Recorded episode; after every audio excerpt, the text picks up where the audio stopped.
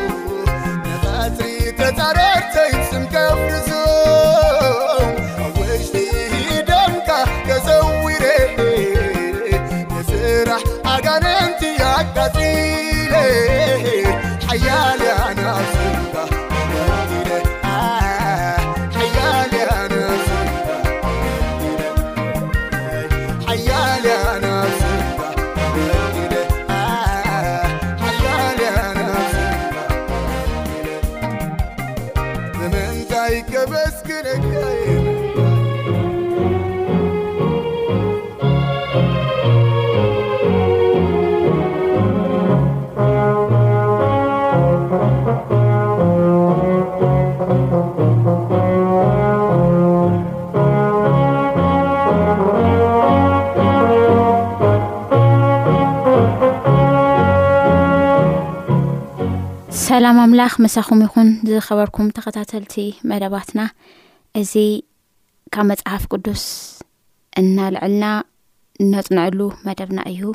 ኣብ ናይ መጽሓፍ እያሱ ዝነበርና ጻንሒት እንቅጽል ኢና ዘለና ሎሚ ምዕራፍ 16 ኢና በጺሕና ዘለና ኣብ ምዕራፍ 16 ከዓ እግዚኣብሄር ለምህረና ነገር ሃብና ክንመሃሃር ኢና ብብዘለኹም ኮንኩም ሬድዮ ከፊትኩም ተድምፁና ዘለኹም ኣብ ዌብሳይት እውን ኣትኹም ትሰምዑና ዘለኹም ኣሕዋት ኩለኹም እግዚኣብሄር ይባርኩም ክንብለኩም ንፈቱ ጸጋ ኣምላኽ ምስ ኩላትና ይኹን። ሕጽር ዝበለ ጸሎት ጌርና ናብቲ መደብ ክንካይድ ኢና። እግዝኣብሄር ኣምላኽና ነመስግነካ ኣለና ክብርን ምስጋናን ዕቤትን ኩሉ ንኣኻ ይኹን። እግዚኣብሄር ኣምላኽና ሳላ ምሕረትካ ስለ ዘለና ነመስግነካ ኣለና። ህይወት ናትካ ዋስትና ኮይኑና ብህይወት ክንነብር ከኣ ስለ ዝፈቐድካ ተመስገን። ሰማዕቲ እዚ መደብ እዚ ኣብ ዘለዎ ቦታ ኩሉ ንስኻ ባርኮም። እግዚኣብሔር ጎይታ ሰራዊት ካብ ቃልካ ልወጽእ ነገር ከኣ ንነብስና መድሓን ክኾነና ተስፋ ክኾነና ረድኤት ክኾነና ኩሉ ብኹሉ ናብ ዝኾንካ ናባኻ ከኣ ዘቕርበና ክኸውን ንልምነካ ኣለና። ሕቶና ኣብ ቅድሜኻ ርኡይ ይኹን፣ ሓሳባትና ኣብ ቅድሜኻ ስሙር ይኹን፣ እግዚኣብሄር ጐይታ ሰራዊት፣ ኣብ መወዳእታ ኸኣ ክትግለጽ ከለኻ ኣብ ቅድሜኻ ደው ዘብል ጸጋኻ ሃበና፣ ኣይትፈለየና፣ ሰማዕቲ ኣብ ዘሎ ቦታ ባርኮም፣ ቀድሶም፣ ምርሓዮም፣ ደግፎም፣ ጸሎቶም እግዚኣብሄር ኣምላኽ ስኻ ስማዕ፣ ተባረኽ፣ ብሽም ወድኻ ብየሱስ ክርስቶስ ኣሜን። ኣሜን፣ እግዚኣብሄር ይመስገን። መጽሓፍ እያሱ ምዕራፍ ዓሰርተ ሽዱሽተ ከምዚ ይብል፣ እቲ ዕጭ ደቂ ዮሴፍ ድማ ካብ ዮርዳኖስ ጥቓ ያርኮ ብወገን ምብራቕ ንማይ ያርኮ፣ ካብ ያርኮ ድማ በታ ናብ ከረን ቤት-ኤል ዘድይብ በረኻ ወጸሎም፣ ካብ ቤት-ኤል ናብ ሎዝ ወጺኡ ኸኣ ብዶብ ኣርካውያን ገይሩ ናብ ዓጣሮት ይሓልፍ፣ ብምዕራብ ከኣ ናብ ዶብ ያፊላጣውያን ክሳዕ ዶብ ታሕታይ ቤት-ሃሮንን ክሳዕ ጌዘርን ይወርድ፣ ናብ ባሕሪ ድማ ይወጽእ። ደቂ ዮሴፍ፣ ምናሴን ኤፍሬምን ድማ ርስቶም ወሰዱ። ዶብ ደቂ ኤፍሬም ከከም ዓለቶም እዚ እዩ፣ ዶብ ርስቶም ብምብራቕ ኣዕጣሮት ኣዳር ከኣ ላዕላይ ቤት-ሓሮን እዩ። እቲ ዶብ ብወገን ምዕራብ ከኣ ንሰሜን ሚክመታት ይወጽእ፣ እቲ ዶብ ድማ ንምብራቅ ኣቢሉ ናብ ተኣናት፣ ሺሎ፣ ዞይሩ ናብ ምብራቅ ያኖኣ ይሓልፍ። ካብ ያኖኣ ከኣ ናብ ዓጣሮትን ናብ ነዓርን ይወርድ። ናብ ያርኮ በጺሑ ናብ ዮርዳኖስ ይወጽእ። ካብ ታጶኤ እቲ ዶብ ንምዕራብ ኣቢሉ ክሳዕ ርባ ቃና ሓሊፉ ናብ ባሕሪ ይወጽእ። ምስተን ኣብ ማእከል ርስቲ ደቂ ምናሴ ዘለዋ ንደቂ ኤፍሬም እተፈልያ ከተማታት፣ ኵለን ከተማታት ምስ ዓድታትን፣ ርስቲ ነገድ ደቂ ኤፍሬም ከከም ዓለቶም እዚኣተን እየን። ንሳቶም ግና ነቶም ኣብ ጌዘር ዚነብሩ ከነኣናውያን ኣየውጽእዎምን እሞ፣ እቶም ከነኣናውያን ክሳዕ ሎሚ ኣብ ማእከል ደቂ ኤፍሬም ይቕመጡ ኣለዉ፣ ገባሮም ከኣ ኰኑ ይብል። ኣብ ምዕራፍ ዓሰርተ ሽዱሽተ ሕጽር ዝበለ ሓሳብ ብሃባር ኰይንና ንርኢ። እንግዲ ኤፍሬምን ምናሴን መን እዩ ኢልና ክንወስድ ከለና ኤፍሬምን ምናሴን ደቂ ዮሴፍ እዮም እዞም ደቂ ዮሴፍ ዝገርመኩም ከከም ሽሞም ክልተ እዮም ብሽሞም እዩ ርስቲ ተዋሂብዎም ልክዕ እዚ ነገደ ይሁዳ ይበሃል እሞ ንነገደ ይሁዳ ርስቲ ይወሃብ ማለት እዩ ንኣብዚ ናይ ዮሴፍ ክመፅ ከለና ግን ንክልትኦም ናይ ዮሴፍ ደቂ መሬት ክከፋፈል ከሎ ኢና ንርኢ እዚ ዘርእካእንታይ እዩ መጀመርያ ከምቲ ዝረእናዮ ብዝሓለፈ ናይ ይሁዳ ነገድ እዩ ቀጥታ እቲ ርስቲ ተኸፋፊልዎ ይሁዳ ምስ ተኸፋፈለ ቀጺሉ ዝመጽእ ከኣ ዮሴፍ ከም ዝኾነ ንርኢ ዮሴፍ ከኣ ናይ ዮሴፍ ነገድ ካብ ካልኦት ዝፍለየሉ መንገዲ እንታይ እዩ ብክልተ ኢሉ ቁፀር ኣሎ ክልተ ኮይኑ እዩ ተቆፂሩ እኒኦ ማለት እዩ ናይ ዮሴፍ ክልቲኦም ደቁ ነቲ ርስቲ ከም ዝረኸቡ ንርኢ። እቲ እተዋህቦም መሬት ከኣ ኣዝዩ ልሙዕ ከም ዝነበረ ይነግረና። እዚ እንታይ ይነግረና መሲልኩም? ዮሴፍ ዝሓለፎ ህይወት ርኢና ነይርና ኢና። እቲ ዝሓለፎ ህይወት ብመንጽር እቲ ናቱ ህይወት እግዚኣብሄር እቲ በረኸት ከመይ ገይሩ ከም ዘብዝሐሉ ንርኢና ማለት እዩ። እዚ ካብ ባዕሉ ሓሊፉ ከኣ ንደቁ እግዚኣብሄር እቲ በረኸት ኣትረፍሪፉ ከም ዝሃቦም ንርኢ ማለት እዩ ስለዚ እዚ ናይ ዮሴፍ ሂወት ዝነግረና ኖሚ ኣሓና ከኣ ኣብ ዝተፈላለየ ቦታ ብዝተፈላለየ መከራ ብተፈላለየ ሸለቆ ብተፈላለየ ክፉእ ነገር ንሓልፍ ከለና እግዚኣብሄር ንዮሴፍ ከምዚ ገይሩ ብመስተንክራዊ ብዝኾነ መንገዲ ከም ዝመርሀ ብበረኸት ዝሓሰቦ ኣምላኽ ከም ዝኾነ ንእኡ ኸኣ ክንኣምን ከለና እግዚኣብሄር ከኣ ሓደ መዓልቲ ከም ዝሓስበና ከም ዝዝክረና ክንጸናናዕ ይግባእ ማለት እዩ ዮሴፍ ሂወቱ ከቢድ እዩ ነይሩ ዳሓለፎ ሂወት ማለት እዩ እግዚኣብሄር ግን ኣብ መወዳእታ በረኸት ተኻፋሊ ዓጺድቲ ናብ በረኸት ናቲ መከራ ናይ መወዳእታ በረኸት ንክጸግብ እግዚኣብሄር ዝገበሮ ሰብ ንርኢ ማለት እዩ ዮሴፍ ብሂወት የለይ ደቁ ግን ክልቲኦም ብክልተ ብክልቲኦም ሽም መሬት ከም ዝተማቐሉ ንርኢ እግዚኣብሄር ኣዝዩ ከም ዝባረኾ ካብቲ ደቂ እስራኤል ብፍሉይ መንገዲ እግዚኣብሄር ኣዝዩ በረኸቱ ከም ዝወሰኸሉ ንርኢ ኣለና ማለት እዩ። ዮሴፍ ካብ ዝነበሮ ናብራ ንደቂ እስራኤል ካብ ዝገበሮ ግብሪ ዝተልዓለ እግዚኣብሄር ነዚ በረኸት እዚ ከም ዘብቅዖ ኢና ንርኢ ማለት እዩ። ኣና ኸዓ ብጎይታና ብመድሃኒና ብየሱስ ክርስቶስ ብወዲ ኣምላኽ ኣቢልና በረከት ተረኺብና ኢና። ክርስቶስ ደቁ ገይሩ ናብኡ ስሒቡና እዩ እሱ ካብ ዝገበሮ ካብ ናብርኡ ካብ ተግባራቱ ዝተላዓለ ኣሕና ከዓ በረከት ከስርፍርፈልና በረከት ክመፀና እዚ በረከት እዚ ንኣና እውን ከም ዝኮነ እዚ ሓሳብ እዚ ናይ ዮሴፍ ሓሳብ ይነግረና ማለት እዩ ብፍላይ ኣብ ኤፈሶ ምዕራፍ ሓደ ክንሪኢ ከለና ኣብ ኤፈሶ ምዕራፍ ሓደ ካይና ክንሪኢ ከለና ከምዚ ዝብል ሓሳብ ኣሎ ሕፅር ኣቢለ ኤፌሶ ምዕራፍ ሓደ ከንብብ ይደሊ ንምንታይ ሲ ብክርስቶስ ኣቢሉ ልኣናታ እዩ ተገሊፁና ደቂ እስራኤል ብዮሴፍ ብምክንያት ዮሴፍ ተባሪኾም ኩሎም እስራኤል ተባሪኾም ማለት እዩ ሂወቶም ቀፂሉ ብድሕሪኡ ከዓ እግዚኣብሄር ከዓ እቲ ናቱ መከራ እቲ ናቱ ስቃይ እቲ ናቱ ዘሕለፎ መንገዲ ሪኡ ከዓስ ንደቁ እንደገና ብብሽሞም ርስቲ ከከፋፍሎም ከሎ ብብስሞም ክባር ከሎ ልሙዕ ዝኾነ ነገር እግዚኣብሄር ከርስትዮ ከሎ ኢና ንርኢ ማለት እዩ ስለዚ ኣሕና ከዓ ብጎይታና ብመድና የሱስ ክርስቶስ ታእይ ኮይኑና ከምዚ ይብል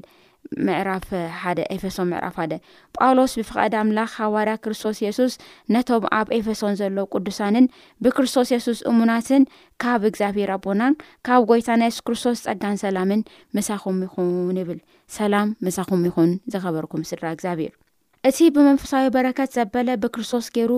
ኣብ ሰማያት ዝባረከና ኣምላክን ኣቦ ጎይታ የሱስ ክርስቶስ ብሩክ ይኹን። ከምቲ ብፍቅሩ ኣብ ቅድሚ ቅዱሳንን መንቅብ ዘይብሎም ምእንቲ ክንከውን ቅድሚ ምስራት ዓለም ብእኡ ዝሓረየና በቲ ፍቅሩ ብእኡ ዝጸውዓና ንውዳሴ ክብሪ ጸግኡ ብምፍታው ፈቃዱ ብየሱስ ክርስቶስ ንርእሱ ውሉድ ክንኾኖ ቀደም መደበና። ብእኡ ብደሙ ምድሓን ማለት ከምቲ ካብቲ ጸግኡ ሕድገት ሓጢኣት ኣሎና ከምቲ ብእኡ ዝተመደቦ ስምረቱ ነቲ ምስጢር ፍቓድ እናፍለጥና ነቲ ናይ ምልኣት ዘመን መጋቢነቱ ኣብ ሰማይ ዘሎን ኣብ ምድሪ ዘሎን ኣብ ክርስቶስ ምእንቲ ክሰልጥ ክሰል ክጥቕለልሲ ብዅሉ ጥበብን ብዅሉ ኣእምሮን ነቲ ጸግኡ ኣባና ኣውሓዞ ንሕና ቀደም ብክርስቶስ ተስፋ ዝገበርና ንውዳሴ ክብሪ ምእንቲ ክንኸውን ንሕና በቲ ኩሉ ከምቲ ምክሪ ፍቃድ ብሃሳቡ ዝገብር ቀደም እተመደብና ነቲ ዕድል ርስቲ ብእኡ ረከብናዮ ንስካትኩም እውን ብእኡ ቃል ሓቂ ናይ ምድሓንኩም ወንጌል ምስ ሰማዕኩም ብእኡ ምስ ኣመንኩም ናብ ናይ ተስፋ መንፈስ ቅዱስ ተሓተምኩም ንሱ ንምድሓን ጥሪቱ ንውዳሴ ክብሩ ዕርቡን ርስትና እዩ ምስጋና ጸሎትን ይብል ስለዚ ከኣ ኣነ እታ ብጐይታና የሱስ ክርስቶስ ኣባካትኩም ዘላ እምነትን ንኩሉ ቅዱስን ዘለኹም ፍቅርን ምስ ሰማዕኩ ብጸሎተይ እናዘከርኩኩም ከያክበርኩ ስለኹም ከያብከርኩ ከያብከርኩም ስለኹም ስለኹም እመስግን ኣለኹ ኣምላኽ ጐይታና የሱስ ክርስቶስ ኣቦ ክብሪ ብፍልጠቱ መንፈስ ጥበብን መንፈስ ምግላጽን ምእንቲ ክህበኩም እሞ ኣዒንቲ ልብኹም በሪሁ ተስፋ ጸዋዕኡ እንታይ ምዃኑ ሃብቲ ርስቲ ክብሩ ኣብ ቅዱሳን እውን እንታይ ምዃኑ ክትፈልጡ እጽሊ ኣለኹ ኣምላኽ ንክርስቶስ ካብ ምውታት ኣተንስኦ ኣብ የማኑ ኣብ ሰማይ ምስ ኣቐመጦ ኣብታ ኣይትመጽእ እምበር ኣብዛ ዓለም እዚኣ ጥራይ ዘይኮነ ኣብ ልዕሊ ኩሉ ሽመትን ስልጣንን ሓይልን ጎይትነትን ዝስመ ዘበለ ስምን ምስ ኣርኣሶ ነዚ ሕልፊ ዘለዎ ዓቢ ሓይሊ ኣባና እንኣምን ዘሎና ከም ስልጣን ሃይሉ ኣብ ክርስቶስ ዝገበሮ ግብሪ ንሰኻትኩም እንታይ ምዃኑ ክትፈልጥዎ እጽልየልኩም ኣሎኹ ናብ ዘሎ ከኣ ኣብ ትሕቲ ኣእጋሩ ኣግዝኦ ኣብ ልዕሊ ኩሉስ ርእሲ ምእንቲ ክኸውን ድማ ነታ ማሕበር ወፈያ ንሳ ከኣ ንስግኡ ናይቲ ኩሉ ኣብ ኩሎም ዝመልእ ምልኣቱ እያ ይብለና ማለት እዩ ክርስቶስ ብ ንኣና ዝተበጀወና ብመንፈሳዊ በረከስ ብክርስቶስ የሱስ ዝባረኸና በረከት እዚ እዩ ልክዕ ዮሴፍ ኣብ ምድረ ግብፂ ክኣቲ ከሎ ብብዙሕ መከራ ብብዙሕ ስቃይ ብብዙሕ ነገር ሓሊፉ እዩ እግዚኣብሄር ግን እንደገና ኣኽቢሩ ተመቓሊ በረከት ገይርዎ እዩና ዮሴፍ ኣቦና እዩ ጎይታና መድሓኒና የሱስ ክርስቶስ ከዓ ዓርኪ ልብና ኣቦ ብሉፅ ኣቦና ስለ ዝኾነ ብክርስቶስ የሱስ ዝኾነና ነገር እዚዩ ዘመላኽት ንሱ ባዕሉ ምእንታና ቆሰለ ምእንታና ደቐቐ ምእንታና ደም ነብዐ ምእንታና እዚ ኩሉ ምስ ገበረ ግን እግዚኣብሔር ጎይታ ሰራዊት ላባና ኣመፂኡ ኸዓ እንደገና ውሉደይ ደቀ ኢሉ ናብቲ በረኸት እዙ መሪሑና እዩና እዚ ዓብዪ ነገር እዩ። ስለዚ በዚ ግዜ እዚ ብብዙሕ መከራ እንትሃልፍ፣ ብብዙሕ ስቃይ እንትንሃልፍ፣ ብብዙሕ ሽግራት እንትንሃልፍ ዮሴፍ እንታይ ይብለና? ኣጆኹም በርትዑ እግዚኣብሔር ምሳኹም እዩ፣ ከድሕነኩም እዩ፣ ከስግረኩም እዩ፣ ክባርኸኩም እዩ እናበለ ከም ዝዝነግረና ክንፈልጥ ይግብኣና ማለት እዩ። ኣብ ሮሜ ሸሞንተ ፍቕዲ ዓስርተ ትሽዓተ ከምዚ ይብል ኣነ ንስቃይ እዚ ዘመን እዚ ነቲ ኣባና ክግለጽ ዝመጽእ ዘሎ ክብሪ ከም ዘመዓራረዮ እኣምን ኣለኹ ይብል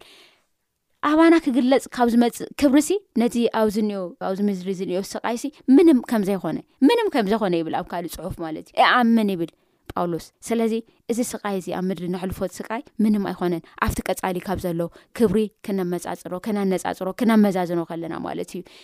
ዮሴፍ እዚ እዩ ኮይኑሉ ዮሴፍ እዚ እዩ ተገይሩሉ ስለዚ ኣሕናለ ናይ ዮሴፍ ኣምላኽ ኢና ናምልኽ ናይ ዮሴፍ ኣምላኽ ናይ ኣብርሃም ኣምላኽ ናይ ሳቅ ናይ በዓልትና ናሕዚ ናሕዚ ብዓይንትና ናርኣና እነምልኾ እግዚኣብሄር ናትና እዩ ስለዚ ኣብ መከራና እግዚኣብሄር ሰቁኢሉ ኣይሓልፈናን ኣይስቃየና እግዚኣብሄር ሰቁኢሉ ኣይሓልፈናን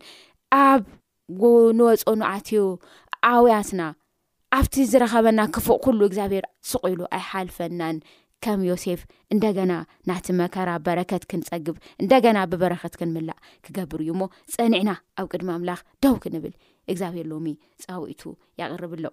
ምዕራፍ ዓሰርተ ሽዱሽተ ኣብ መወዳእታ ከባቢ ክንርኢ ከለና ግን ዘሐጉስ እዩ ኣይሐጉስን ንምንታይ ኢሉ ሕጉስ ተይልና ከምዚ ኢሉ ተጻሒፉ እዩ ንሳቶም ግና ነቶም ኣብ ገዜር ዝነብሩ ከነኣናውያን ኣያውፅእዎምን ንምንታይ እዮም ላይውፅእዎም እግዚኣብሄር ኮ ኣባርርዎም ኣውፅዎም ምክንያቱም ንዓይንትኹም ስንጥር ንጎንኹም ከዓ እሾኽ ክኾኑ እዮም እሞ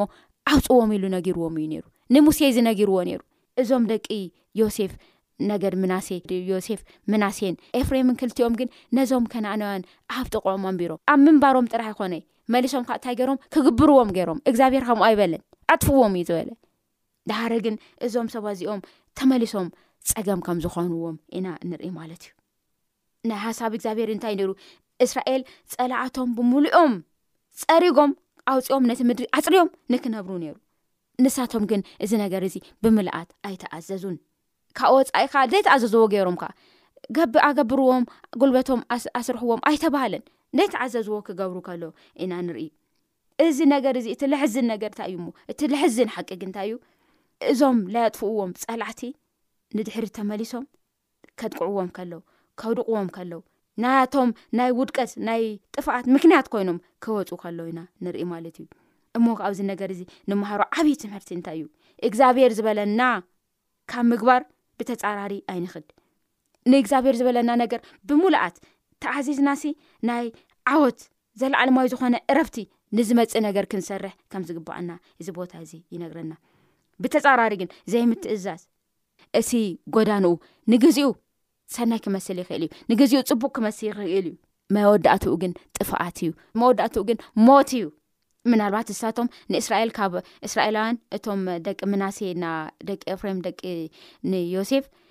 እዚኦም ካብ ናጥፍኦም ኣይ ካብ ሂወት ክነጥፍእሲ ኣይ ከሱ ክሰርሑ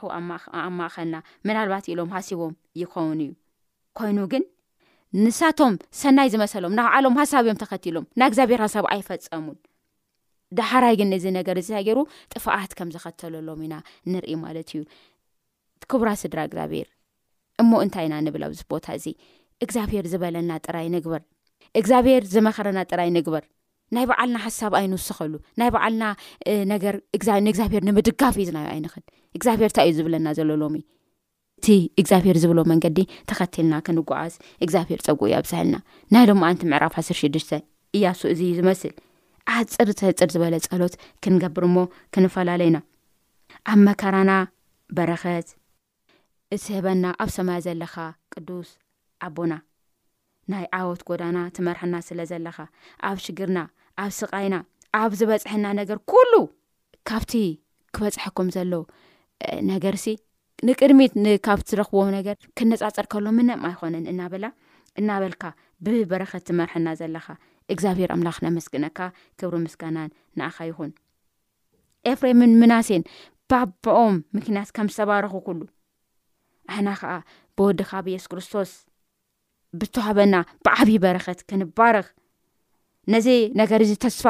ተኻፈልቲ ክንከውን ነዚ ተስፋ እዚ ኣመንቲ ክንከውን ነቲ ተስፋ እዚ ሕዝና ከዓ ስምና ሽምካ ልዕል ልዕል ክነብል ስለ ዝገበርካ እግዚኣብሔር ነመስግነካ ዓይና እውን ሽምካ ሕዚ እውን ልዕል ልዕል ነብል ልዕል ንዝኾነ ስምሪ ሽምካ ክብርን ምስጋናን ዕቤትን ንኣኻ ይኹን ሕና በረከት ክንወርስ ፀዊዕኻና ኢኻ ንሕና ግን ነዚ በረከት እዚ ብምልኣት ክንወርስ ብዘይ ምክኣልና ኣብ መንገዲ ከይንተርፍ እግዚኣብሔር ጎይታ ሰራዊት ርድኣና ቅዱስ መንፈስካ ይሓግዘና ናብቲ ዝፀዋዕካና በረከት በፂሕና ከ ተባሪኸ እየ ኢልና ንኣካ ክነክብረካ ክነመስግነካ ርድኣና